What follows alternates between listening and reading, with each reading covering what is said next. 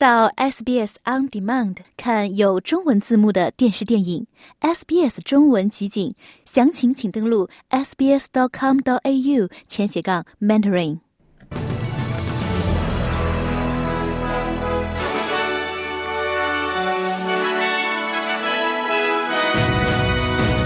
西澳成为全国第一个限制枪支数量的州。沃沃斯首席执行官九月卸任。维基解密创始人朱利安·阿桑奇的支持者们在英国高等法院外举行抗议活动。加沙人道主义庇护所遭到炮击。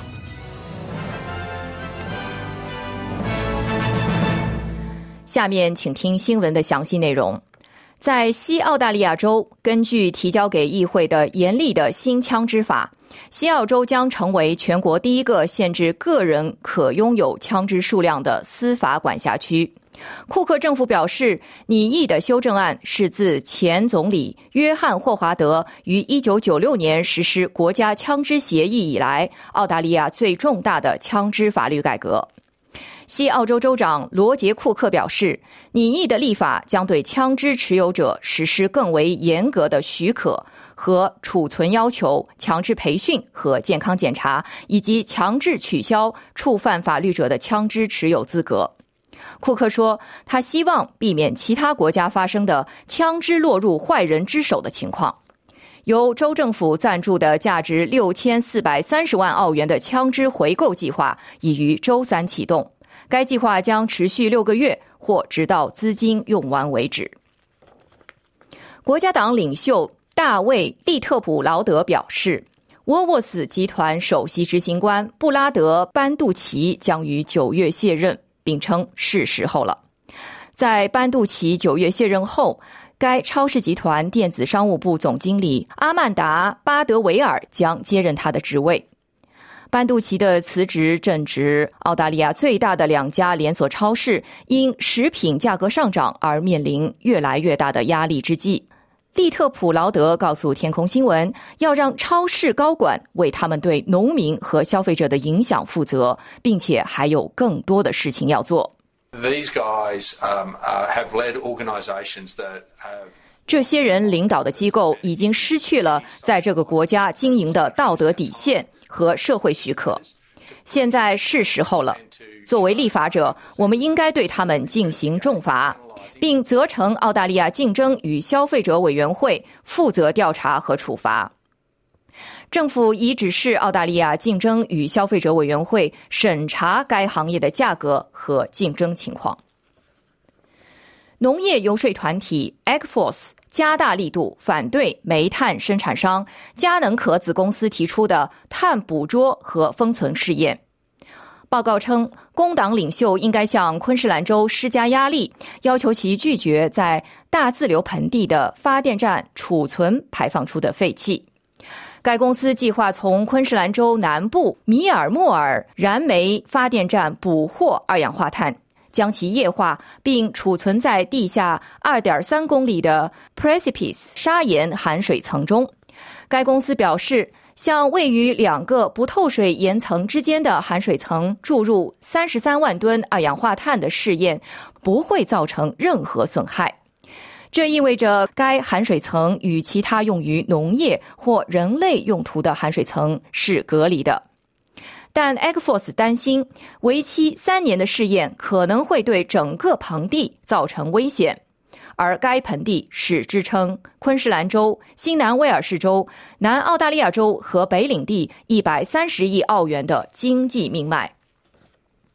北领地西阿纳姆地区的社区呼吁参议院对在偏远地区运营的电信公司进行调查。此前，澳大利亚电信公司的三 G 网络服务中断了三个星期，系统故障影响了当地的预付费电表，导致许多人断电，并欠下令人吃惊的债务。马宁里达居民罗威纳·科普尔就是受影响者之一。回到家时，我很感震惊，然后我被告知我们欠了。五百澳元，我们开始为如何拿出那么多钱支付电费而紧张。购物中心公司 Center Group 称，其在澳大利亚和新西兰的四十二家 Westfield 购物中心所有品牌的超市营业额去年增长了百分之十，是仅次于餐饮的第二大销售类别。不过，消费者在礼品、珠宝和百货商店的消费有所减少。总体而言，销售额增长了百分之六点四。因为受免费娱乐节目的吸引，购物中心的客流量增长了百分之六点七。艾略特·鲁萨诺是 Center Group 的首席执行官。这为商家提供了一个机会，可以尝试将这些前来购物的人转化为销售对象，从而有效的获得利润。因客流量增长，商家们愿意支付更高的租金，从而使购物中心的出租率超过百分之九十九。集体谈判协议的延迟影响开始显现。年度工资强劲增长百分之四点二，其中大部分为公共部门。统计局称，去年医疗保健和社会援助领域的工资增幅最大，达到百分之五点五，其次是教育和培训领域。金融和保险业的工资增幅最小。但是，随着大部分新实施的企业协议最终敲定，专家们表示，工资增长很可能已经达到顶峰。西太平洋银行的贾斯汀·斯米克表示，这意味着通胀会继续放缓，储备银行应该会在九月前开始降息。But overall, it's still consistent with the idea that wage inflation is going to moderate. 总体而言，这仍然与工资通胀将放缓的观点相一致，而不是我们将看到生产率提高。澳大利亚央行一直在谈论市场、商品和服务以及国内通胀压力。澳大利亚央行需要缓解通胀的目标，实际上会变得很轻松。虽然工资可能在上涨，但住房成本也在上涨，这迫使许多澳大利亚人开始选择其他的居住安排方式，以减轻价格压力。澳洲最大的租房网站之一 Flatmates.com.au 称，上个月有创纪录的二十一点二万名活跃会员在寻找同住的人。Flatmates.com.au 的社区经理克劳迪亚·康利说。There are more properties on the market. Uh, we do think this is due to the rate. 市场上的房产越来越多，我们认为这是利率上调造成的。因此，越来越多的房东和屋主开始关注他们的空余房间或空余房产，并将其作为帮助抵消部分抵押贷款增加的一种方式。新房产挂牌量比去年增长了百分之十九。一周前，丛林大火和多场风暴使多处住宅夷为平地，五十万家庭和企业陷入黑暗。维多利亚州的紧急服务部门正在为更危险的天气情况做准备。预计今天，维州部分地区的气温将达到四十度，暴风雨将于下午降临，预计风速将达到时速八十公里，并会伴有闪电和雷鸣。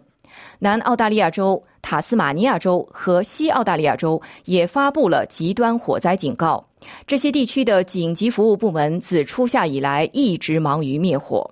维州的六个地区已宣布全面禁火，其中玛丽、威莫拉、北部地区、中北部、西南地区和中部地区均面临极端火灾危险等级。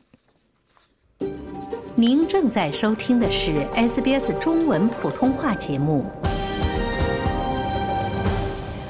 接下来，让我们来关注更多来自国际方面的消息。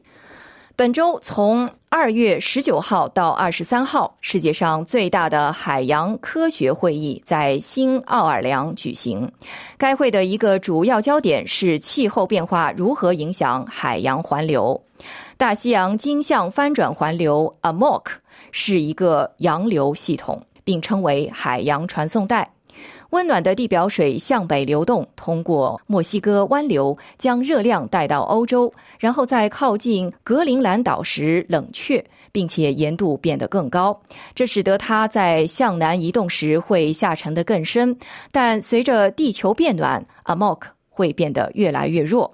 马修·英格兰教授是新南威尔士大学大尺度海洋环流及其对区域和全球气候影响的研究员。他说：“所以 AMOC 是大西洋经向翻转环流。”它从大西洋热带地区吸收大量的热量，将热量转移到北欧，然后释放到大气中，使该地区的气候变得更加温和。这是一种稳定的、存在了数千年的经向翻转环流。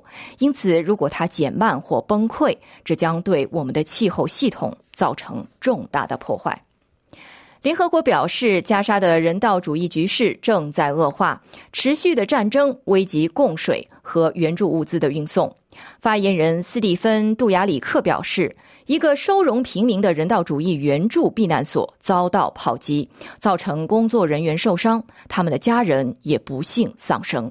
Our Undersecretary General for Humanitarian Affairs, Martin Griffiths.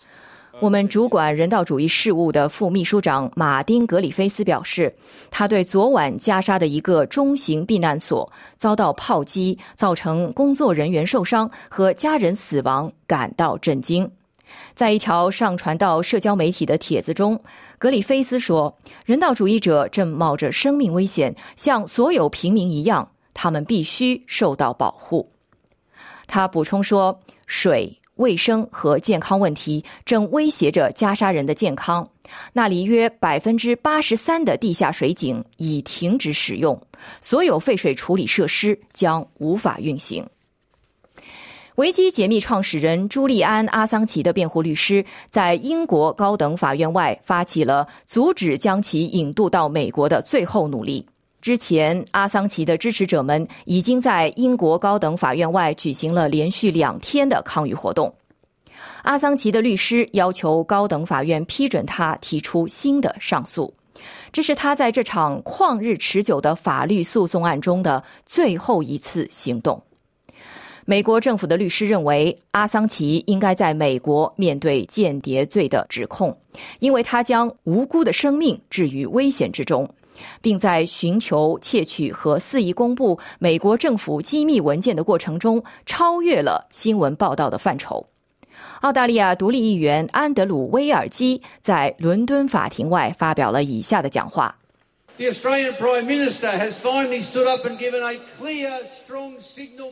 澳大利亚总理终于站了出来，向美国人发出了一个明确而强烈的信号：够了，够了。”无论你对朱利安的看法如何，这件事必须结束，引渡必须取消，必须撤销指控，必须把他从贝尔马什监狱解救出来，必须让他与家人团聚。